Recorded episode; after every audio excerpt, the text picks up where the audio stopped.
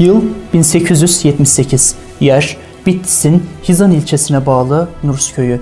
Dünyaya gelecek olan kişi bir devrin Bediüzzamanı sıfatıyla adlandırılacak olan Said Nursi. Hapis, zulüm, baskın, gözaltı, zehirlenme, işkence ve daha nicesi. İşte en zor dönemlerde gelmiş bir İslam aliminin imtihan özeti. Dünya menfaati peşinde koşmayan, makam mevki derdine düşmeyen, derdi sadece bir kişiye daha ulaşmak olan 80 küsür senelik bir ömür ve bu ömre sığdırılan koca bir iman davası sürgünlerde ve hapislerde neşredilen ve bu asrın manevi hastalıklarına bir şifa, bir tiryak hükmünde olan ve Kur'an eczanesinden süzülen Risale-i Nur eserleri ve arkada bıraktığı milyonlarca seveniyle vefatının 57. yıl dönümünde bu çağın alimleri bir çağın Bediüzzamanını konuşuyor. Farklı dernekler, cemaatler, tarikatlar, gruplardan birçok isim bugün bir olma adına, birlik, beraberlik adına daha has ifadeyle uhuvvet-i İslamiye, ittihad-ı İslam adına ortak bir paydadan bir devrin üstadına bakıyor. Bediüzzaman Said Nursi belgeseli çağın gözünden başlıyor.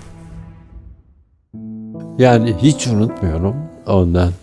Birisi bir hatıra anlattı. Ben dedi e, şeyde karakolda Burdur'da köşede bir şey yığılı. Böyle e, gittim ayağımla dokundum. Ben zannettim bir eşya. Baktım orada e, bir insan yığılmış kalmış. Kimse bakan yok. Ondan sonra bu kadar şey. Sonra onu kaldırdım. Ona şey ettim. Ona de baktım Bediüzzaman Said Nursi. Ondan bu derece şeyden yani insani e, muamelelerden uzak, fevkalade vahşi bir şeyle muameleler gören bizzat tabii biz o zaman da bu acıları hep tadıyorduk yani aynı zamanda.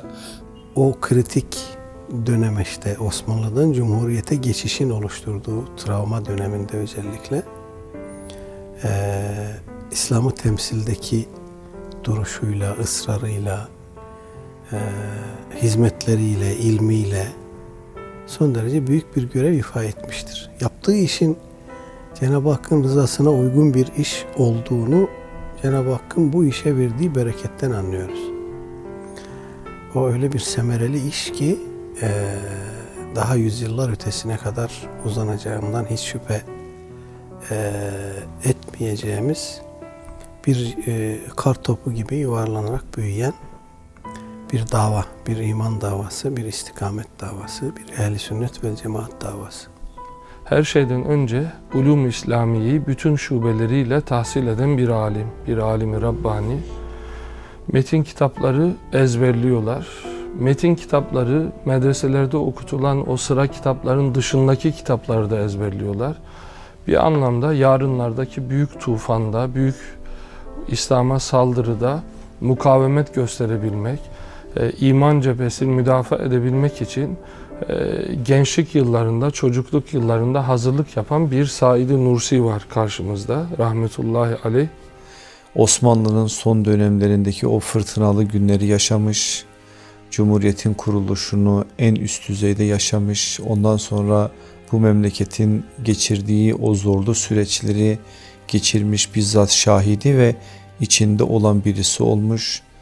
Ondan sonra tek parti dönemini yaşamış, çok partili dönemi yaşamış ve 60'a kadar süren o uzun ve mücadele dolu ömrü yine çok güzel bir biçimde bir peygamber sallallahu aleyhi ve sellemin müjdesine nail olacak bir rüyanın neticesinde de Urfa'da noktalanmış. Tabii ki e, zor bir dönemde zor görevler üstlenmiş büyük bir Anadolu yetiştirdiği büyük en büyüklerimizden birisidir. Allah mekanlarını cennet eylesin. Ümmet, ümmete büyük faydaları oldu. Özellikle imanın tahkik konusunda. Ümmeti Muhammed'in hilafetinin kaldırılacağı e, pozisyonları oluşturan asıl meselenin bir iman zafiyeti olduğunu, Allahu Teala'nın e, kudretine, kitabına, Peygamber sallallahu aleyhi ve sellem'in nübüvvetine teslimiyette aslında bu toplumda sorun olduğunu, yani bir iç çürüme olduğunu gördü. O dönemde, çok kritik bir dönemde asıl ihtiyacın Allah'a imana, Kur'an-ı Azimuşşan'a ve nübüvvet makamının ihyasına, böylece bunların toplamından da ahirete doğru yürüyen mümin nesil getirmeye, cenneti insanların gözü önüne getirmeye, cehennem tehdidini Allah'ın göz önüne getirmeye yönelik bir çalışma yaptı. Hazreti Üstad'ın tabi hizmeti ön tarafa çıkaran bir e, müştehit, müceddit, yani ne deseniz yakışan büyük bir allame ama Hazreti Üstad'ı üstad yapan, Bediüzzaman yapan yaşadığı asırdır. Yani düşünün 1925'ten sonra efendim 1950'ye kadar onu yani çok mihnetli, efendim kederli, zor, çekilmesi bizce mümkün olmayan bir hayatı hiç şikayet etmeden o hayatın içinde, o sürgünlerde, o hapislerde, o zor günlerde nasıl bu hizmetleri yapmış?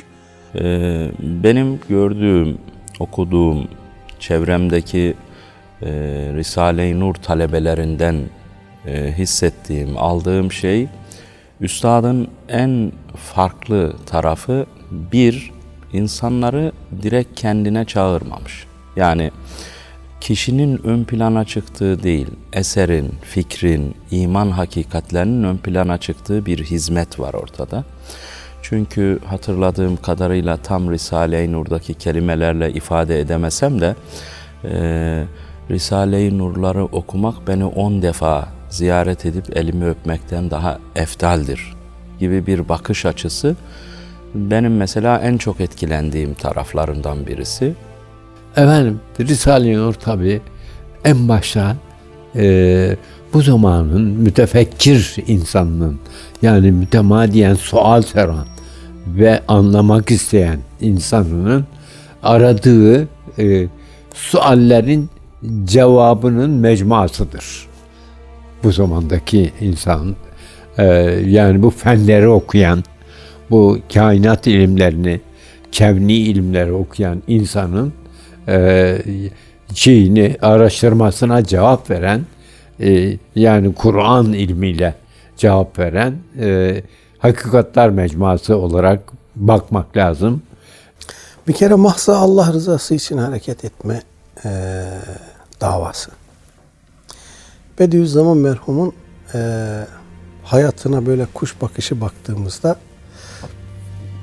o hayatın her karesinde, her dönemecinde gördüğümüz en bariz hususiyet budur. Hiç kimseyle hiç başka bir davası yok.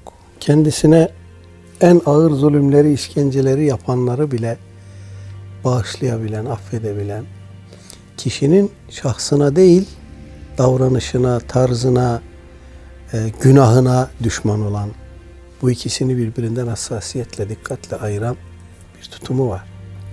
Esasında bütün alimlerin hayatında bunu görürüz. Onlar metin kitaplarını ezberlerler. O metin kitaplarının özünde de Kur'an-ı Kerim var. Peygamber sallallahu aleyhi ve sellemin sünneti var. Oradan ezberlerler. Sonra sıra kitaplarını ezberlerler. Zihinleri bir anlamda kütüphaneye döner. Yürüyen kütüphane, yaşayan kütüphane olurlar. Bediüzzaman Hazretlerinde de biz onu görüyoruz. Kafa arşivine müracaat ediyor. Ee, önünde bir işgal varsa, bir problem varsa, ümmetin önünde bir yerde bir tuzak e, kurdularsa, e, bir yerde bir suikast varsa onu nasıl çözecek? Kur'an-ı Kerim'e, sünnet-i seneye müracaat edebilmesi için zihninde bunların olması gerekiyor. Kafa arşivine Bediüzzaman Hazretleri müracaat eder. Oradan çözüm ve çareleri alır. Çünkü o arşivde Kur'an-ı Kerim vardır. Allah Resulü Aleyhisselam'ın sünneti seniyesi vardır. İşte şu gördüğünüz alimlerin e, eserlerinden mühim olanları vardır. Fevkalade bir zeka ile karşı karşıyayız. Allah Teala'nın bir lütfudur. Hem o zeka ona lütuftur, hem Bediüzzaman bu ümmete bir lütuftur, bir ihsan ilahidir. Ve oraya müracaat ederek işte burada Müslümanlar daralmışlardır, buradan öteye adım atamazlar, bu sorulara cevap veremezler dedikleri zamanlarda hakimane meydan yerine çıkan, onların bütün o problemlerini, barikatlarını, fikri barikatlarını yarıp parçalayan bir alim olarak karşımıza çıkar.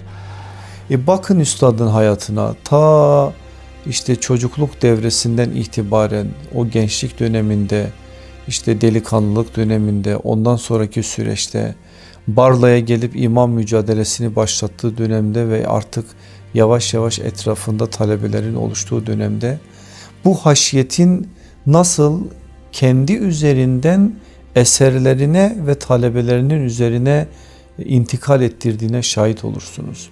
Hepinizin bildiği bir e, rivayet aktarılır yani bir hatıra işte Zübeyir abinin ahiret korkusuyla titreyip gelip yanında işte ben ödüm kopuyor korkuyorum dediği zaman korkma tir tir titre demesi aslında bir insanın kendi iç dünyasındaki ifadelerin dışa vurumudur. Bunu biz sıradan şimdi söyleyebiliriz ama bir anda böyle bir soruyla karşı karşıya kalan birisinin böyle bir cevap vermesi ve onu teskin edeceği yerde daha farklı bir biçimde ahiret korkusunu, akıbet korkusunu onun dünyasına aktarması aslında bu işin kendi dünyasındaki iz düşümünü gösterir. E, zor dönemlerde Müslümanların doğruyu görmelerine Üstad Hazretleri üstadlarından da almış olduğu o terbiye ile hem ilmi terbiye hem tasavvufu terbiye. Üstadda o da var çünkü. Tasavvufa mesafeli olduğu zannedilir. Ben katılmıyorum ona. Tam aksine üstadın çok ciddi bir tasavvufi yönünün olduğuna inanıyorum. Hem bağlılık itibariyle hem de tasavvufu anlama itibariyle. Çünkü tasavvuf peygamberin ve sahabenin yaşadığı zühttür. Üstad zaten eserlerinde bunu fazlasıyla ifade etmiştir. Allah istifade etmeyi nasip eylesin inşallah. Çok zor. Tarihin en zor. Hilafetin yok hükmünde olduğu yıllar ve tamamen yok edildiği yıllar Said Nursi yıllarıdır. Allahu Teala'nın planında var olan bir şeydi bu şüphesiz. Yani hilafetin bir gün kaldırılacağı, ümmeti Muhammed'in başsız kalacağını Allah murad etti de öyle oldu. E, o günler içinde ümmeti Muhammed'i yalnız bırakmamayı Allah murad etmişti. Ümmeti Muhammed'e yol gösterecek, büyük bir rehberlik yapacak isimler murad etti. Türkiye'de bu isimlerin başında Said Nursi rahmetullahi aleyhin geldiği tartışılmaz bir konudur. Yani ezanların susturulduğu, Allahu Ekber demenin yasak olduğu, Kur'an okuma, okutulmasının yasak olduğu, Müslümanlara hor bakıldığı bir dönemde Bediüzzaman Hazretlerinin hapishanede mahkumken hükmetmesi ve İslamiyet'i başa çıkarması, bugün artık devlet eliyle de efendim e, Diyanet e, marifetiyle harika Risale-i Nurlar basılıyor ve ümmeti Muhammed'e yetiştiriliyor. 50 küsür dile Risale-i Nur tercüme edilmiştir. Üstad da son nefesine kadar bakıyoruz çok böyle e, garip bir hayat yaşamış, çok fakir bir hayat yaşamış ve bundan tad almış, haz duymuş, bundan hiç şikayetçi olmamış. Bir somun ekmeğini 15 günde yemeyi hem kendisi hem çevresindekine öğretmiş. Biz bugün çok yiyerek hem dünyayı fakirleştiriyoruz hem gelecekteki nesilleri aç bırakıyoruz farkında değiliz. Allah rahmet eylesin.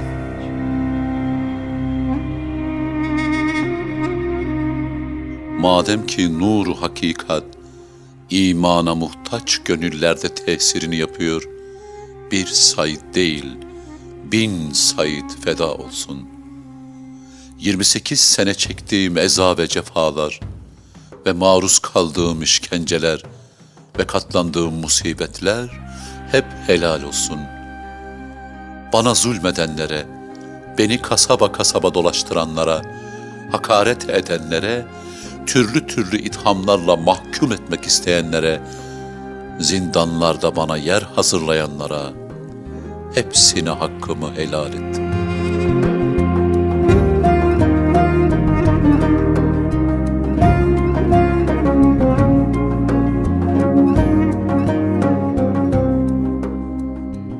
O zamanlarda bu Japonya'ya e, bomba atılmıştı. Atom bombası 1945 o senelerde. O, fakat onun tesirleri 7-8 sene sonra görünmeye başladı. İnsanların kolları kopuyor, gözü kayboluyor bilmem falan böyle. Üstad Hazretleri de malum e, Avrupa medeniyeti Avrupa ikidir. Birisi vahşi, insanı tahrip eden e, şeyin vahşi kapitalizmin getirdiği medeniyet. E, bir de İsevi dininden aldığı şey ona demiyorum buna diyorum diye. İşte o vahşi medeniyet böyle bir atom bombası ile insanları mahvediyor.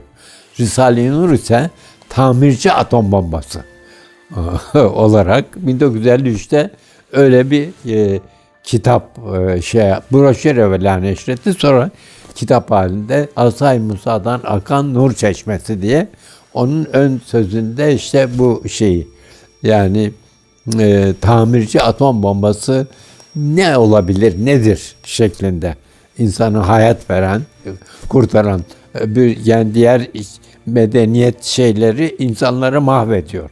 Bu ise hayat veren bir şey. İşte bu bir küçük numunedir diye o kitabın baş tarafına koymuş.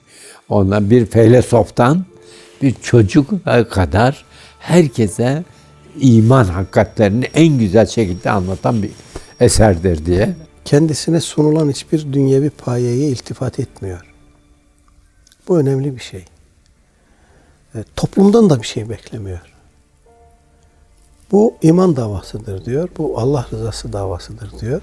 Peki Bediüzzaman Hazretleri diyor ki bana memurlar, aşiretler onlar sorular soruyorlar. Fakat ben o soruların cevaplarını şerul mavakifte, şerul makasitte bulamıyorum.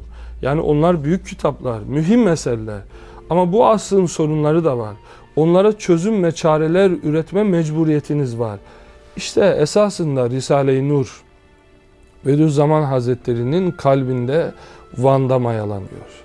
Büyük yürüyüş orada başlıyor ve sonra İstanbul, Medresetü Zehra bir anlamda o düşünceye e, menba olabilir mi? Oradan bir inkişaf olabilir mi? Özellikle şarkın ama genelde umum planda alem İslam'ın sorunlarını çözecek bir medrese arar, bir büyük üniversite arar. Ezher'in yıllarca yaptığını yapabilecek orada bir basu badel mevte vesile olacak, vasıta olacak bir medreseyi üstad orada zihninde mayalandırır. Alimin kendine has bir celadeti olur. Boyun eğmez zulme. Her zaman için hak ve hakikat neyse onu söyler. Hakkın hatırı alidir sözünün gerçekten hayatındaki yansıması neyse onu ortaya koyar.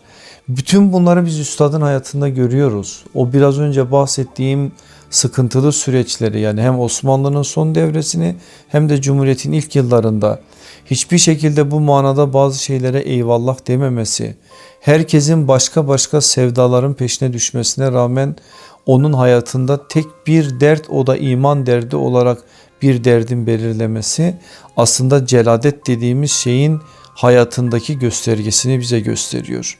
Ömrünün e, kısmı azamını imana hizmet ederek ümmeti Muhammed'in asıl sorununa e, değinerek geçirdiği için e, Said Nursi rahmetullahi aleyh ümmeti Muhammed'in en zor zamanlarından birinin en çetin adamlarından biri olarak yaşamış görüyoruz. Bunun için bekar kaldığından, bunun için sürgünler yediğinden, bugün için siyasilere muhatap ol, zamanın en güçlü adamına karşı direnmesinden hepsinden anlıyoruz ki üç günlük dünya değil ebedi cennet için kurulu bir kafa var. Nesilleri de bu kafaya çağırdı. Dolayısıyla Said Nursi rahmetullahi aleyh Ankara'da filanca ile yaptığı bir görüşmeyle anılması ona karşı bir tankisttir aslında. Yukarı doğru çıktıkça rüzgar sert esiyor. Ee, kendi halinde yaşayan bir Müslüman aman bana ne deyip ibadetleriyle kendi bildiğiyle yaşayan bir insan da cennete girer. Ee, yani hiç değilse gücü kadar yaparak ama siz bir kendiniz için değil bir nesli kurtarmaya adamışsanız size o bir nesli bırakmamak isteyen sizden daha güçlü görünen adamlar size dalaşacaklar. Her devirde böyle olmuş. Hazreti Musa'ya Firavun bulaşmış, dalaşmış. İşte Hazreti İbrahim Halilur Rahman aleyhisselam Efendimiz'e Nemrut dalaşmış, bulaşmış. Resulullah aleyhisselama Ebu Cehiller, Ebu Lehebler dalaşmışlar. Bunun gibi Allah dostları da ağır imtihanlarda e, maruz kalmış, imtihanlara maruz kalmış. Üstad da öyle görüyoruz. Şimdi Bediüzzaman Hazretleri'nin yapmış olduğu tecdit yani yenilik nedir? Ehli sünnet vel cemaatin görüşünü yüzde yüz muhafaza ederek hiçbir sapma yok efendim. Ancak fırakı dalle dediğimiz az önce saydığım efendim 73 fırkanın fikirlerini söylemez. Çok az söyler. Belki de hiç söylemez. Ama bütün o sorulan suallerin cevapları vardır. Onun için hiç kimseye zarar vermeden sırf menfaati olan bir eserdir. İlmi kelamdır. Efendim kelami bir tefsirdir Risale-i Nur. Herkese faydası vardır. Onun için hiç kimseye zarar vermez. Aynen bahsettiğim gibi ilmi kelamın ulemaca yasaklanması var. Ancak belli insanlar okuyabilir. Marifetullah o zaman sadece ulemanın, efendim kamillerin mi hakkıdır? Hayır. Bediüzzaman Hazretleri marifetullahı avamı nasa da öğretmiştir Risale-i Nur vasıtasıyla. Bence yaptığı en büyük hayır budur. Tecdit yapmıştır kelamda. Yani batıl fikirleri zikretmeden onların efendim açmak istedikleri yaraların cevaplarıdır. Bir şey daha var. Kur'an'ın bu asra bakan, Kur'an'ın bu asra bakan ayetlerinin efendim Risale-i Nur açılımıdır, tefsiridir. Ve bu asırda insanların kafasına imani konuda ne geliyorsa Risale-i Nur'da var. Hakikaten Risale-i Nur e, ilim adamları bizden çok daha iyi anlıyorlar ve anlatıyorlar. Bütün dünyada ondan. Yani biz daha 1990'larda 88'lerde e, Kahire'de e, Risale-i Nurlar neşre başladı. Oradaki Eser Üniversitesi'nin bütün hocalar, bütün yani hatta e, ne bileyim Şeyhül Ezher geldi ondan şeyde e, müsabakada ilmi müsabakada Risale-i Nur üzerinde ki e, ödülleri Şeyhül Ezher kendi eliyle dağıttı. Ondan sonra orada öyle şeyler ondan Risale-i Nur'a karşı çok büyük e, şey gösterdi yani. Bediüzzaman Said Nursi merhum neden bu kadar çok sevildi, çalışmaları, e, mesajı, eserleri neden bu kadar çok yayıldı, tutuldu, toplumsallaştı diye sorarsanız sebebi budur.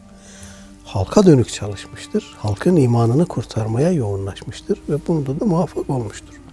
Bize bu noktada düşen iki şey var. Bir, onların çizgisini ısrarla e, muhafaza etmek, anlamaya, anlatmaya, tanıtmaya, aktarmaya devam etmek e, ve bunu herhangi bir e, mensubiyetle sınırlamadan yapmak. Bu iman davası çünkü. İkincisi, onların davasını üreterek devam etmek. Onlar üzerinden e, kendimize alan açmak değil, onların çalışmalarını üreterek devam etmek. Ve Ankara Bediüzzaman Hazretleri'nin hayatında yeni bir dönüm noktası olur. Ankara'ya gelir, Ankara'daki fotoğrafı görür, o fotoğraf neticesinde Van'a döner. Bu destana bir ara nokta düşme halidir. Her şeyin yıkıldığını, tarumar edildiğini, bu ümmetin mukaddesatının orada çiğnendiğini görünce döner Van'a e, bu ümmetin yıkılmayacağının e, Bediüzzaman Said Nursi Hazretleri şahsındaki bir fotoğrafıdır. Yeniden doğuştur. Oraya dönüş esasında yeni bir doğuştur. E, Erek Dağı'na çekilir. Orada ikinci bir mayalanma başlar onun zihninde. Yarınlara dair neler yapacaktır? Artık her şey bitmiştir. Madde planda bitmiştir. Osmanlı bitmiştir, bitirilmiştir. En büyük tahribat Anadolu'da yapılmıştır. Ne Hindistan'da, ne Mısır'da, ne alemi İslam'ın başka bir köşesinde. Burada yapılmıştır. O halde büyük inkılap da burada olmalıdır. O barikatlar burada yarılmalıdır. Hani gördüğü bir rüya vardı. Ağrı Dağı infilak ediyordu. Annesi, validesi yanındaydı. Allah Azze ve Celle rahimdir. Allah Azze ve Celle hakimdir o rahim oluş, hakim oluşu Cenab-ı Hakk'ın tecelli edecek. Yani onların tuzakları vardı ama Allah Teala'nın da mutlaka bir planı var. Ve mekeru ve mekerallah. Ne kadar imtihanlar şiddetli olursa olsun, ne kadar dış dünyadan bu manada sizi o belirlediğiniz davadan ayıran, davadan koparan etkenler ortaya çıkarsa çıksın hiçbir şeye eyvallah demeden kendi davanıza kitlenerek bu manada bir şeye doğru yürümenizdir. E mesela Van'da Erek Dağı'ndan aşağıya düşerken üstadın o anda söylediği eyvah davam sözü bile salabet dediğimiz kavramın onun hayatındaki yerini gösteriyor bize. Yani onun hayatında, üstadın hayatında çıkarması gereken ders tevazu, ilim, insanları kurtarmaya gayret etmek, faaliyet itibariyle insanların kurtulması, kurtulmasına vesile olacak olan Kur'an ayeti, Kur'an hakikatleriyle Hazreti Peygamber ki en büyük hakikat Hazreti Muhammed'dir Aleyhisselam. Beşer anlamında. Gerek Üstad Hazretlerinin olsun, gerek, gerek onun üstadlarının olsun, onun üstadlarının üstadlarının olsun, gerek bugünkülerin olsun. Yani İmam-ı Şafiilerden İmam-ı Azamlara, İmam Seraksilerden İbni Abidinlere, İmam-ı Nebevileri, Suyutilere, Bediüzzaman'a, e, İmam Gazalilere gibi ifadeleri çoğaltabiliriz. Hepsinin kaynağı merkezi Muhammedül Emin'dir aleyhissalatü vesselam. Sevgili peygamberimizi tanıdıkça, ona yakınlaştıkça e, üstadı doğru anlamada da onların e, endişelerini, gayelerini anlamada da daha e, rahat olacağımıza inanıyorum ben. Said Nursi rahmetullahi aleyh sıradan bir adam değil. Büyük bir adam elbette zehirlenecek. Yani patlıcan mı yedirilecek ona? Elbette zehirlenmeye uğraşılacak. Elbette idamı için 40 hile ayarlanacak. Elbette zindanları mesken edinecek. Yani herkesin çapı kadar, özgür ağırlığı kadar sorunu olur. Hilafetli yıllardan Bolşevizme doğru kayan e, bir toprakların davasını taşıyan biri günde beş defa zehirlense çok değil. Onun çapı için normal bu. Bizim gibi cılız çaplar için ah vah edilip ağlanacak bir şey. Nitekim o ağlamadı. Feryadü figan etmedi. Yani nedir bu çektiğim ya Rabbi diye bir tek cümlesine ben rastlamadım. Yani bir kere nedir bu çektiğim benim günahım ne? Yani ben de Müslüman bir annenin çocuğuyum diye bir şey siz rastladınız mı Müslüman? Böyle bir şey yok. Sanki bir bardak e, meyve suyu ikram etmişler. O da kızılcıktan yapılmış da biraz ekşi gibi duruyor. Oh be iyi geldi der gibi. Bu tip adamlar, adam kelimesini farklı bir anlamda kullanıyorum. Bu tip adamlar, başlarında peygamberler olmak üzere. Çünkü Kur'an-ı Kerim adam ifadesini kullanıyor Ahzab suresinde. Bu tip adamlar acıdan lezzet alırlar. Sıkıntılar onlara doping olur. Bize kaçamak malzemesi olur. Bizim gibi cılızlara. Çünkü hedefimiz küçüktür bizim. Üniversite bitirmektir. Emekli olmaktır. Ev sahibi olmaktır. E de çok güzel bir Müslüman olmaktır. Eceli yaklaştığı yıllarda da iyi bir şehitlik nasip olsun. Eceli yaklaşınca ama mesela 80'li yıllarda şehit olmakta sakınca yok gibi maazallah yani böyle düşünür. Biz cılız yürekli kaldığımız için. Büyük adamlar ise bunu gündem yapmazlar. Böyle bir adamın saçını taramaya da vakti yoktur. Aynanın karşısına geçmeye de vakti yoktur. Sünnet olmasa o saçını da taramaz. Niye? Onu bir vakit israfı görür. Dolayısıyla o uykuda az uyur. Yemekte az yer. Bağırmadan, sitemden de yılmaz. Mesele çap meselesidir. Hani bazen insan imtihanın ağırlığından yorulur, çekilir. Ee, 83 yıl zannederim hayatı 83 yıllık ömründe insan bir kere sarsılmaz mı? Bir kere sarsılmıyor Üstad Hazretleri. Yani ya biz nerede hata ettik, nerede yanlış yaptık şöyle bir ya buna gerek yok ondan sonra şöyle bir yola mı girelim demiyor. O kadar inanmış ki inandığı şeye. Allah'a olan imanında o kadar bütün bir iman var ki öyle saf bir iman var ki yani ifade ettiğiniz gibi bir taraftan zannediyorum Denizli hapishanesindeydi e, okuduğum şeyde işte o yemeği fare yiyor, fare ölüyor, fareye ağlıyor. Yani ölen bir fareye ağlayacak kadar yufka yürekli bir insan. Ama küfürle mücadele ederken dev dalgalarda sarsılmayan bir iman. Yani içinde küçük merhametli bir Said-i Nursi de var. Çok yufka yürekli Ama bir taraftan da küfürle mücadele ederken bin başım olsa feda olsun şeriatı garraya diyen bir mücahit de var karşımızda. Yer Afyon cezaevi. Afyon son 40 yılın en dehşetli soğuklarını yaşamaktadır. Dışarıda alabildiğine bir tipi vardır.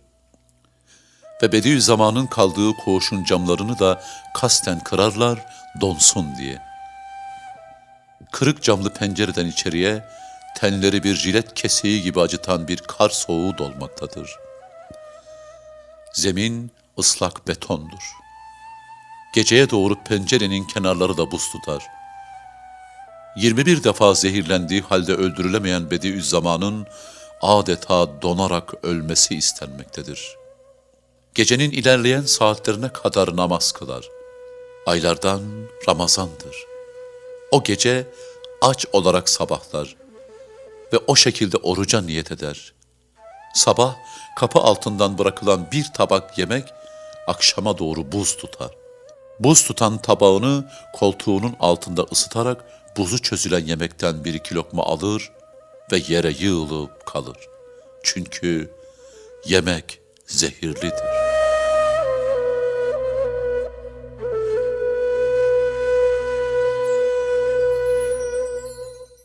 Bediüzzaman Said Nursi merhum mesela eee tedris ya da medrese yılları daha doğru bir tabirle medrese yılları bittikten sonra zannediyorum eline bir kitap alıp okuma imkanı bulamamıştır. Tamamen mahfuzatıyla ezberine aldığı ilimlerle, o mahfuzatıyla yapmış yaptıklarını, bütün eserlerini. Hapishanedeyken akşam namazlarından sonra mahfuzatını tekrar edermiş unutmamak için. Ee, mütercim Asım Efendi'nin tercüme ettiği bir e, o okyanus, El Kamusul Muhit tercemesi okyanus var. Onu sin harfine kadar ezberlemiş. Sözlük ezberliyor yani. Sin harfine kadar ezberlemiş. Diyor ki akşam namazlarından sonra e, oturduğum yerde onu tekrar ederdim kendi içimden. Bazı talebelerim beni virt çeker zannederdi. Oysa mahfuzatını tekrarlıyor unutmamak için. Bu çok önemli bir şey. Yani o kadar şeyi mahfuzatında tutmak, hafızasında tutmak. Ve onları olduğu gibi tutmak değil. Onlar üzerinden sentezler, terkipler yaparak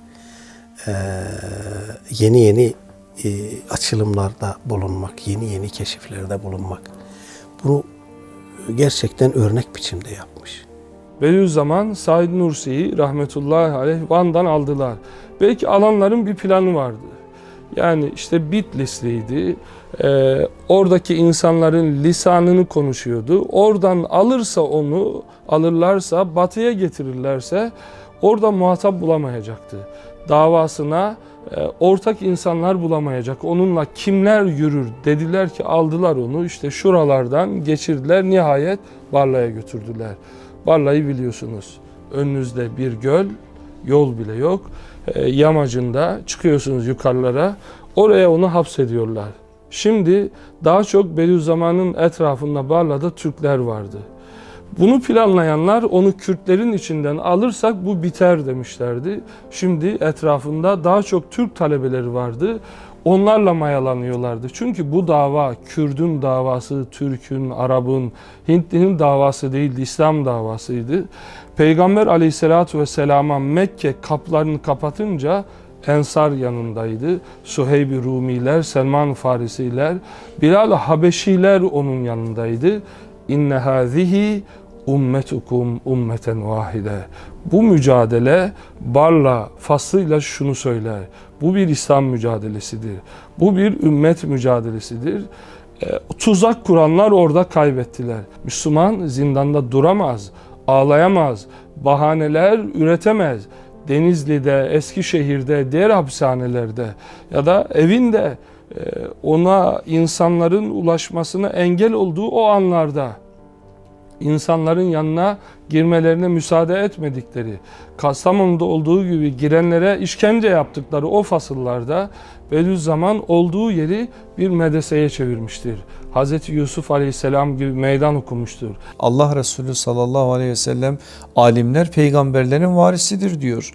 Aslında her alim peygamberin verasetine ne kadar sahip olduğu ölçüsüyle ölçülebilir. Sünnet dediğimiz peygamber mirası ne kadar hayatında? Gerçekten sünnete bağlılık, onun nebevi mirasına sahip çıkma ve o nebevi mirası kendisi yaşadığı gibi mahrum olanlara da yaşatma, onlara da aktarma adına neler yapılıyor, nasıl adımlar atılıyor noktasında bütün bunlar da veraset kavramının altındadır. Hayatı İslam'ı pratiğe dökme, azim, mücadele, bir de mahfiyet var üstadda yani. Öyle bir hali var üstad hazretlerinin. Allah mekanlarını cennet eylesin. En zor zamanlarda dik durmayı bilmiş. En zor zamanlarda söylemesi gereken sözü ertelemeden söylemiş. Ama bunu yaparken de çağının İslami ihtiyacını çağının İslami bakışıyla en güzel şekilde yakalamış olan bir dava büyüğümüz olarak görüyoruz. Allah bizleri onlara yetiştirsin inşallah. Bu tip adamlar ise hılkatlarında büyük oldukları için mesela şöyle düşün bir tır 50 ton yük taşıyor. Sen ve ben 150 kilo ikimiz toplam tırın üstüne çıksak bunu ne şoför hisseder ne o tırın lastiği bundan bir ağırlık hisseder. Biz sinek gibi konarız onun üstüne. Ama bisiklete ikimiz binsek o bisikletin jantı da kalmaz, lastiği de kalmaz. Yani tır yürekli adamlar var 7 milyar taşıyorlar. Gelecek kuşakları taşıyor bırak 7 milyarı. Gelecek 7 milyarı düşünüyor. Bu onun çapının yani beygir gücünün kaldırma kapasitesinin, lastik tonaj gücünün büyüklüğünden kaynaklanıyor. E bir bisiklete de iki kişi binerse vay bisikletin haline işte. Onun için e, Allah'tan dilerken e, büyük yüreklilik dilemek lazım. Efendimiz sallallahu aleyhi ve sellem ne buyuruyor? E Firdevs'i isteyin Allah'tan diyor. Ya cennet olsun da neresi olursa olsun demeyin diyor. Bu büyük istemenin, büyük düşünmenin e, davetçisi. Üstadın bir talebesi ifade ediyor Kastamonu'ya geldiğinde diyor Mehmet Fevzi Efendi de olabilir başka biri de olabilir. Allah hepsine rahmet eylesin. Ee, o üst katta diyor namaz kıldığımız yerde tekbir getirdiğinde evin sallandığını hissederdim diyor. Namaz müminin, Müslümanın hayatını hakikaten sarsmalı, sallamalı yani. Biz namaz kılarken televizyonun sesini bile kapatmıyoruz. Yani hayatı dibinden sallayan bir namaz ve bunu çevresindekilerin hissettiği. E tesir oradan geliyor. Bizim çocuklarımıza bile tesirimizin olmaması nedendir? 1925'ten sonra din elden gidiyor. Kur'an okutulması yasaklanıyor. Ezan 1932'den ta 50'ye kadar 18 sene efendim bu e, ümmete mahrum ediliyor. Hocalığı bir tarafa bırakıp imanı kurtarmaya koşturmuş. Üstadımızın bütün derdi bu. Onun için yani Üstad Hazretleri fıkıh yazsaydı ne olurdu? Efendim hukuku İslamiye yazsa ki o, o, o noktada da vukufiyeti üstadımızın harikulade denecek derecede. Çünkü 5-10 tane de olsa Risale-i Nur içinde fıkhi konular var. Dişmiş mi ama yani e, şimdi 32 cilt Mebsut-u Serahsi var. Var yapılmış. Yani Kur'an'ın onda birine tekabül etmeyen fıkhi konularda bütün ümmet ondan meşgul olmuş. Neden? İman çok kuvvetli, çok rahatsız, çok e, ihtiyaç hissedilmemiş. Ama şimdi doğrudan doğruya imanın temellerine hücum var. Esasatına hücum var. Üstadımız inkadül iman diye. imanı kurtarma. Onun için Risale-i Nur ve halen Risale-i Nur'a herkesin çok ihtiyacı var. Yani bin yerden hücum eden şüphelere tek taraftan da olsa mitriliyoz gibi üstadımız atom bombasından daha kuvvetli, tesirli elhamdülillah. Onun için iman hakikatlarına üstadımız teveccüh etmiş ve bu şüpheler hala devam ediyor. Geçen bana biri diyor ki Darwin'le alakalı bir şey var mı? Ya Risale-i Nur baştan başa Darwinizmi yok eden bir eser. Fuzuliyatla uğraşmıyor Bediüzzaman merhum. Detayla uğraşmıyor. İşin özüne odaklanmış. Orayı işliyor sürekli olarak orayı geliştiriyor. E baktığınızda e, onun eserlerinden günümüz e, bilimsel iştigal alanları bakımından söyleyeyim. Pek çok e, tez çıkar. Yani felsefe açıdan inceleyebilirsiniz, usul açısından inceleyebilirsiniz. E, usul derken hem usulü fıkıh hem usulü hadis açısından, usulü din açısından, e, tefsir açısından, hadis açısından, fıkıh fetva açısından, kavaid açısından, edebiyat açısından, dil açısından, sosyoloji açısından, felsefe açısından birçok açıdan inceleyebilirsiniz. İncelemeniz de lazım, incelememiz de lazım. Bediüzzaman Hazretleri'nin işaret ettiği orada bir nokta var. Hani bir talebesi Medine-i Münevvere'ye muhacir olmak istediğinde ya da gitmek istediğinde ona diyor ki Medine'de olsam, Mekke'de olsam yine buraya gelirim. En büyük darbeyi ümmete burada vurdular. Burası hilafetin merkeziydi. Eğer burada ümmet düzelirse alem İslam düzelecek. Yani burada uhuvveti İslamiye'yi tesise memuruz, tesise mecburuz. Dünya sulhuna e, e, inanan insanlar İslam dünyasının da toparlanıp dünyada muvazeneyi temin etme bakımından Üstad, Üstad'ın tabiriyle söyleyeyim cemahir müttefikayı İslamiye diyor. Yani e, müttefik İslam Cumhuriyetleri e, birliğini kurmalar lazım. Ta ki e, hem İslam dünyasının şeylerini, ihtiyaçlarına cevap versin hem dünyanın muvazenesini temin etsin. Samimi olmazsaydı eğer uhuvvet-i İslam yani iman kardeşliğidir esas. Kürtlük, benim ırkım, Kürtler filan diye başlasaydı veyahut da Türkiye'li Türk diye başlasaydı veyahut da e, Türklük İslam'ın içinde erimiş, o potada erimiş bir şekildir diyen vecizesi olmasaydı. Yani İslam bizim aslımızdır. Etnik yapımız bunun içinde eridiği zaman bir iştir yoksa hariçte kalır demeseydi bugün seninle biz bunu konuşmayacaktık zaten.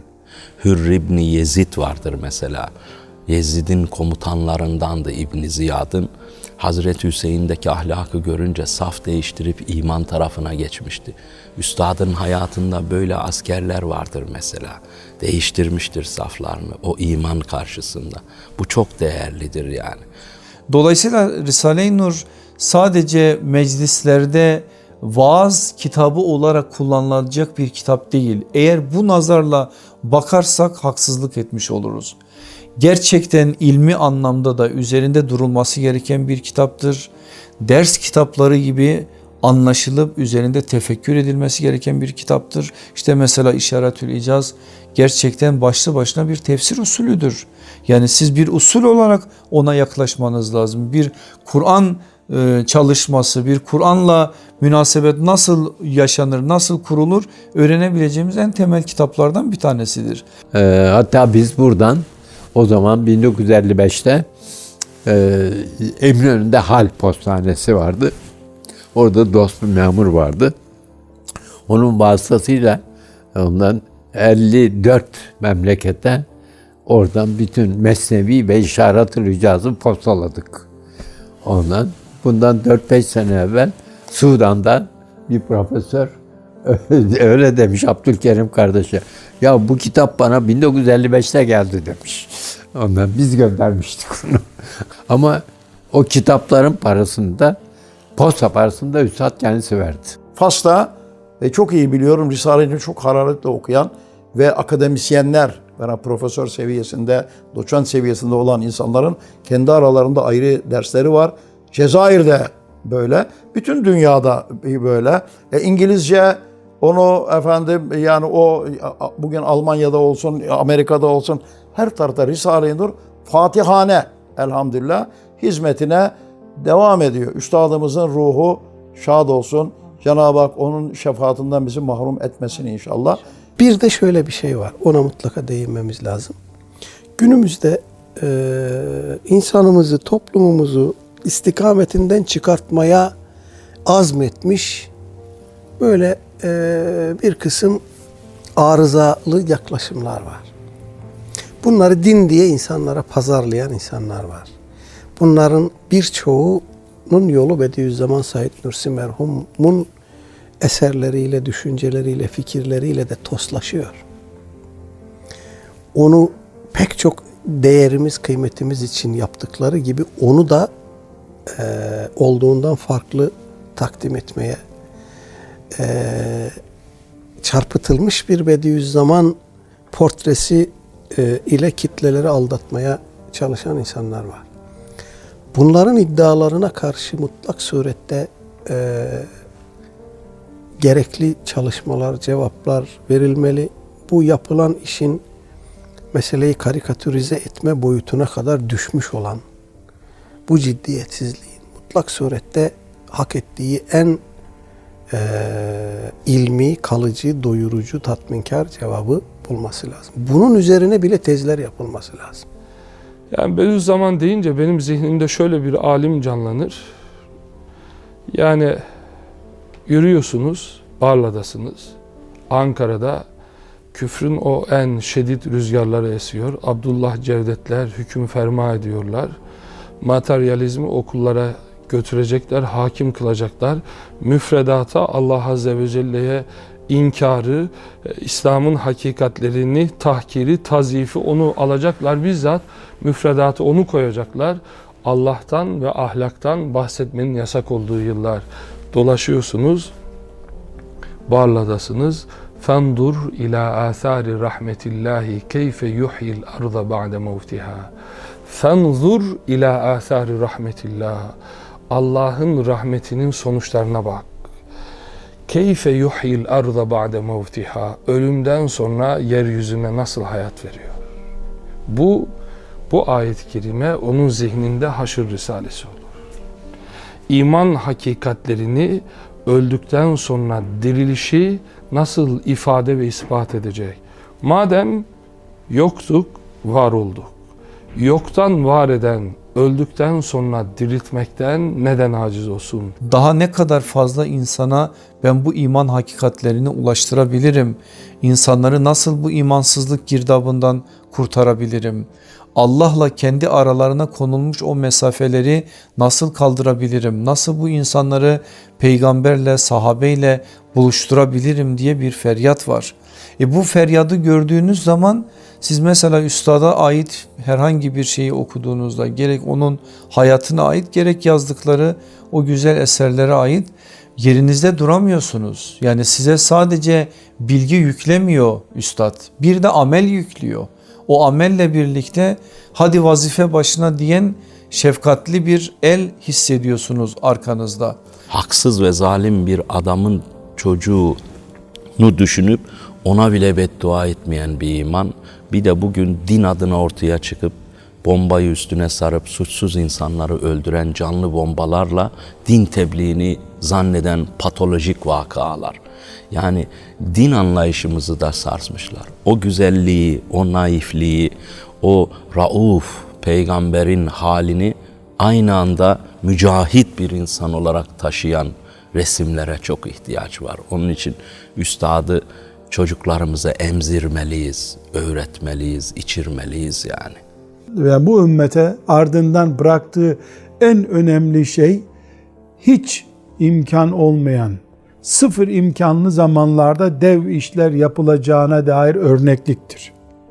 Dolayısıyla ümmete iyilik yaptı ama mesela ben mizahi olarak söylüyorum beni üzdü şahsen. Ben ne güzel böyle bir iki ders vererek hizmetimi yapacağımı zannediyordum. Şimdi ona kıyas edilince kıyamet günü tembel statüsünde oluyorum ben. Çünkü o ne bilgisayar var, ne daktilo var, ne bir şey var. Ne de oturup yani hayatında bir defa bir oturacak yer bulmuş o da bir ağacın üstünde. Normal bir koltukta bulamamış oturmak için. Öyleyken nesil yetiştirecek işler yapmış. Bana sen şuna buna niçin sataştın diyorlar. Farkında değilim. Karşımda müthiş bir yangın var. Alevleri göklere yükseliyor. İçinde evladım yanıyor. İmanım tutuşmuş yanıyor. O yangını söndürmeye, imanımı kurtarmaya koşuyorum. Yolda biri beni kösteklemek istemiş de ayağım ona çarpmış. Ne ehemmiyeti var. O müthiş yangın karşısında bu küçük hadise bir kıymet ifade eder mi? Dar düşünceler, dar görüşler.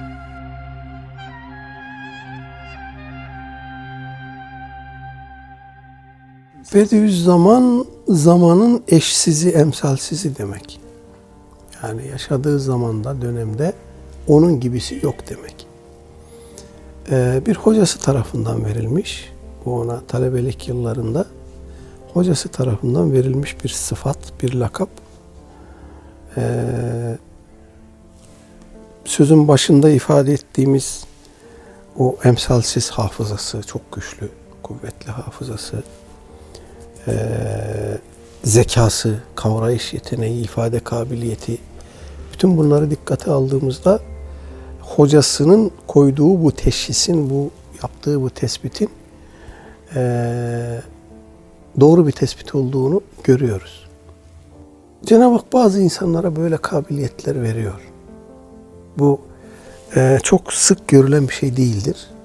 Ama e, biz mesela ulemanın teracimi ahvalini okurken, biyografilerini, menakıplarını, menkıbelerini okurken bu tarz şeylere rastlarız. Yani müthiş hafızası olan insanlara bir okuduğunu, bir gördüğünü, bir duyduğunu bir daha unutmamış insanlara rastlarız. Bir isim Allah'a hasredildiği zaman, Allah'a ait olarak kullanıldığı zaman mana farklıdır. Beşere kullanıldığı zaman mana farklıdır. Bediüzzaman sıfatı da e, nitelendirmesi de sadece Üstad Hazretleri için de kullanılmamıştır. Tarihte 2-3 tane böyle bir nitelendirme ile e, ifadelendirilen alimlerimiz vardır. İşte Bediüzzaman Hemedani onlardan bir tanesidir. Niye bu e, nitelendirilme verilir?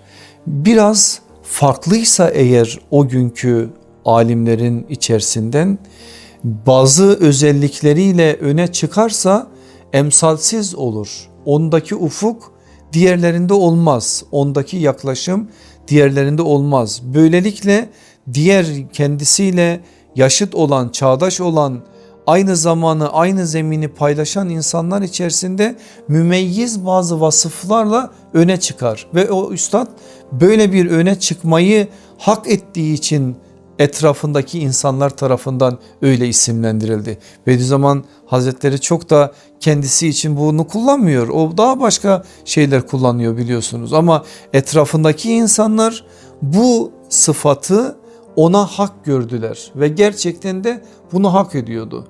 Mesela tasavvufi bir boyuta bakıldığında iyi bir tasavvuf erbabı. Said Nursi rahmetullahi aleyhin zikri, virdi kadar her tasavvuf ekolünde virt yoktur. Allah herkese ayrı bir meleke vermiştir. Yani Allah e, mucizeleri sonsuz Allah'ın. Öyle işte şöyle bir mucize var mı filan değil. Bastığımız toprağın kendisi bir mucize aslında. İşte parmak izimiz bir mucize. Göz rengimiz, ses kumaşımız, her şeyimiz bir mucize. Allah'ın sonsuz kudreti. Bunları bize görülebilir yakınlıkta kılan bir eser Risale-i Nur. Çok ince şeyleri bize ulaştırıyor. Yani hakikatleri.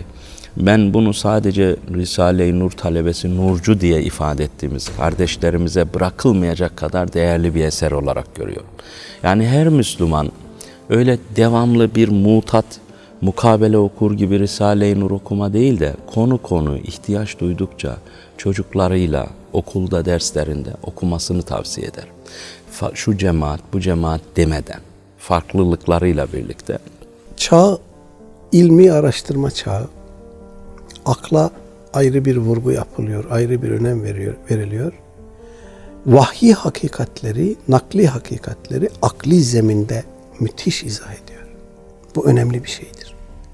Yani e, İslam'dan haberdar olmayan, Kur'an nedir, sünnet nedir, vahiy nedir bilmeyen insanlara bu eser anlayabilecekleri bir dilde ulaştırıldığında ben ikna olmayacak insan olabileceğini düşünmüyorum.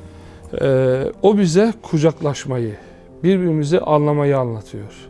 Buradan bakın Efendimiz sallallahu aleyhi ve sellemin izinde Efendimiz sallallahu aleyhi ve sellemin davasına hamil olduğunu, varis olduğunu iddia edenler yeniden kardeş olsunlar.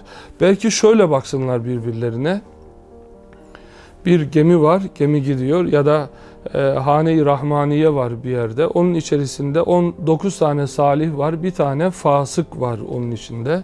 Bir tane fasit adam var. Siz o bir tane fasığı ya da fasit olan adamı esas alıp o gemiyi, o eve operasyon yapamazsınız. Bu bir cinayet olur. Hiçbir adalet nizam bunu kabul etmez. Tersi olsa, orada 9 tane fasık, bir tane salih olsa yine siz o gemiyi batıramazsınız. Peki ya bir Müslüman? Onun içinde 9 tane belki 10 tane şu kadar meziyet var. Onun içinde sizin nefretinizi celbeden bir tane e, bozuk bir meziyeti vardır onun. O bir tane bozuk meziyetinden dolayı o kardeşinizi batırırsanız o gemiyi batırmak gibi büyük bir cinayettir. Üstadın yazdıkları işte daha doğrusu ona ilham edilen onun işte bu manada e, kaleme aldığı o eserler onun hayatının en önemli yansımasıdır.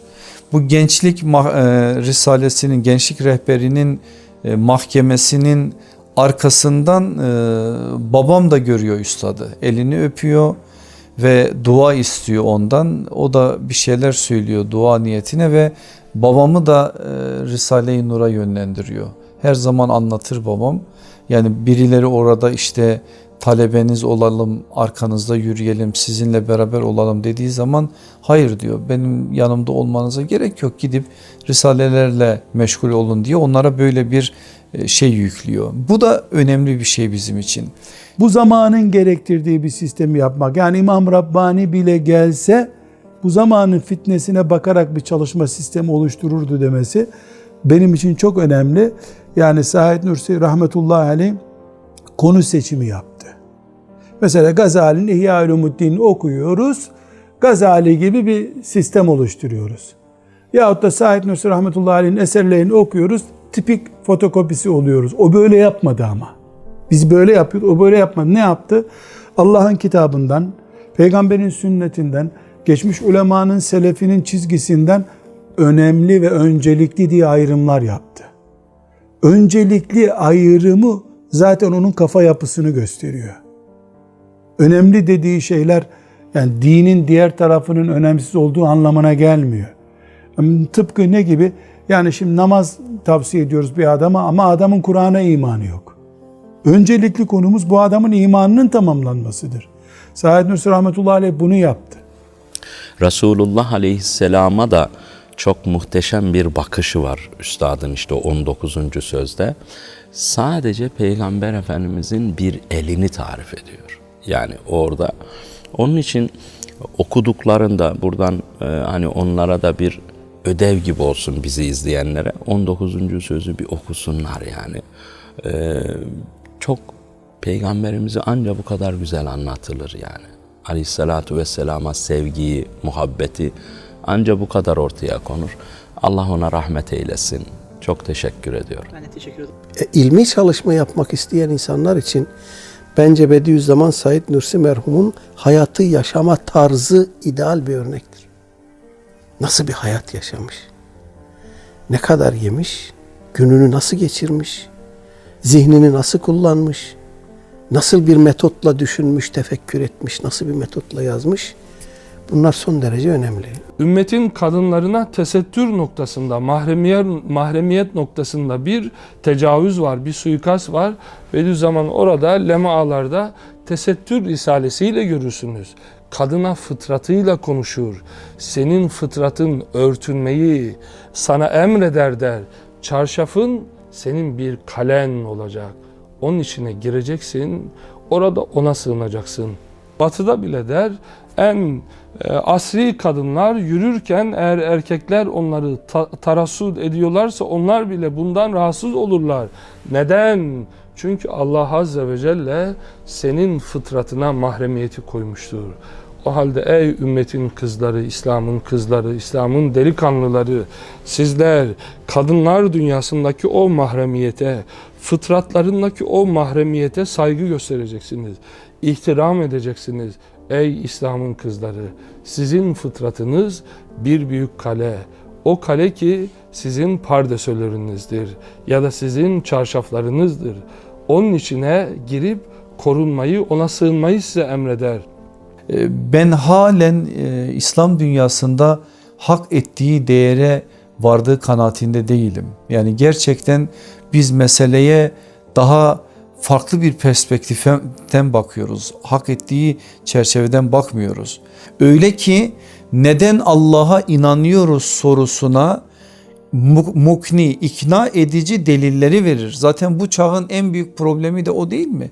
Yani bugün Müslümanlara bile sorsanız Müslümanlar diyelim ki yaşı 40 olmuş, 50 olmuş, 60 olmuş bir Müslüman bile inandığı Allah'ı 3-5 cümleyle anlatamayacak kadar bir acziyet yaşıyor. Böyle bir noktada iman zafiyetini yaşadığı bir noktada bu zafiyetin giderilecek bize bir şeyi olmalı. E bunu bize sağlayacak bir kaynaktır işte Risale-i Nur. Genel itibariyle bu ümmetin kütüphanesinde bulunması gereken kitaplar olarak görüyorum. E, bu ümmetin kütüphanesinde bulunması gereken şu manada yani bu eserler bu Kur'an kütüphanesinin eserlerinden. Cenab-ı Hak bu millete daha nice Bediüzzamanlar yetiştirme imkanı bahşetsin. Çünkü e, bu millet bu ümmetin merkezini teşkil ediyor. Bu millet ayakta durduğu sürece bu ümmet ayakta duracak. Allah korusun bu millet çökerse bu ümmet de çökecek. E, Bediüzzaman Said Nursi merhum bunu çok iyi, bunun farkında. Bu işin merkezinde yaşayan bir insan olarak bunun farkında.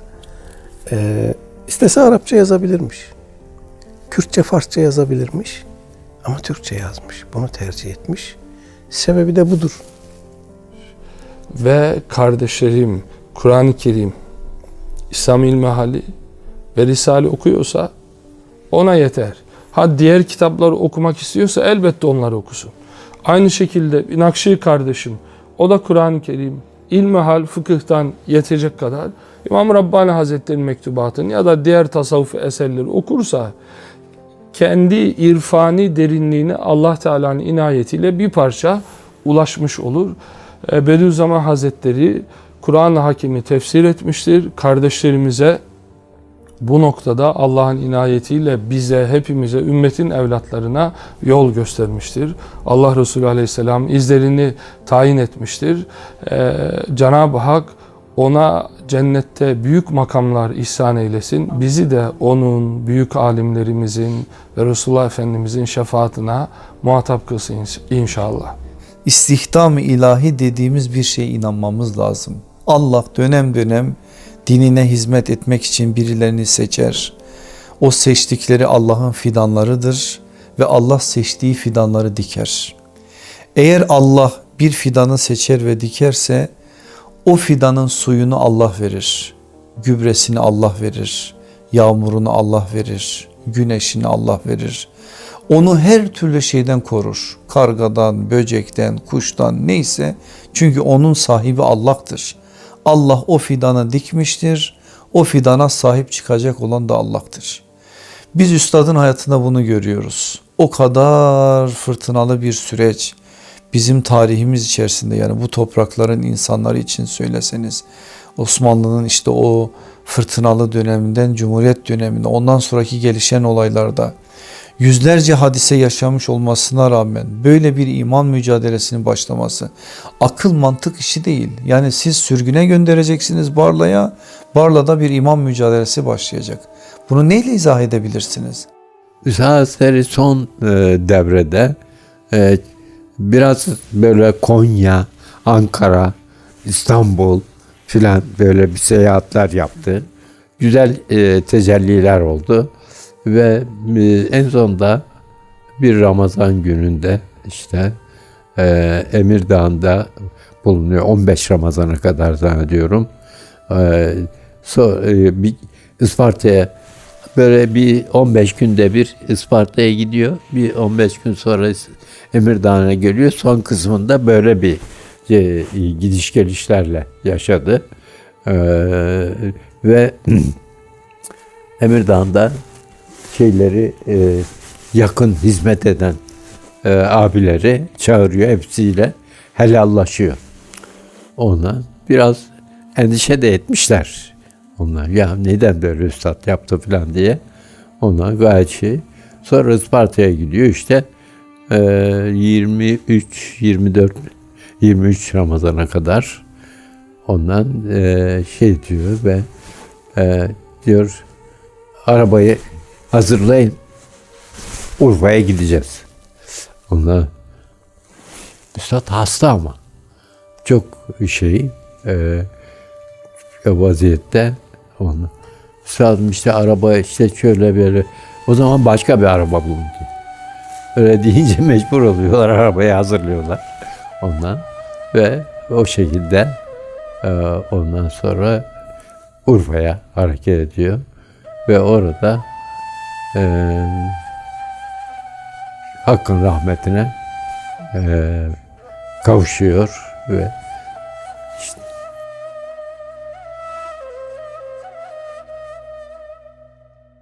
Ve tarihler 23 Mart 1960'ı gösterdiğinde bir devrin Bediüzzamanı Üstad Said Nursi Hazretleri Urfa'da İpek Palas Oteli 27 numaralı odasında vefat edecekti.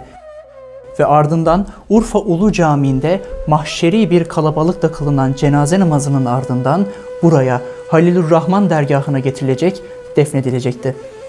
Ancak aradan geçen birkaç ayın ardından 27 Mayıs darbesiyle birlikte bir gece vakti tarihler 12 Temmuz'u gösterdiğinde darbeci hükümet tarafından mezarı balyozlarla parçalanacak ve birkaç talebesinin haricinde hiç kimsenin bilmediği bir yere götürülüp defnedilecekti. Bütün mücadelesi Kur'an-ı Kerim, sünnet-i seniye ve iman esasları üzerine olan Bediüzzaman küfrün karşısında ümmet bilincini hedefliyordu. Gayesi uhuvvet, muhabbet, ittihat ve tesanüttü. Ve işte bugün bir gayenin neticesi olarak çağın değerli alimleriyle, önemli kanaat önderleriyle birlikte ortak bir paydada bir olup İttihad-ı İslam adına bir adım atıyoruz. Ve bu adıma vesile olan Bediüzzaman Said Nursi Hazretlerine vefatının 57. yıl dönümünde rahmet, minnet ve özlemle yad ediyoruz. Makamı âlâ, mekanı cennet olsun.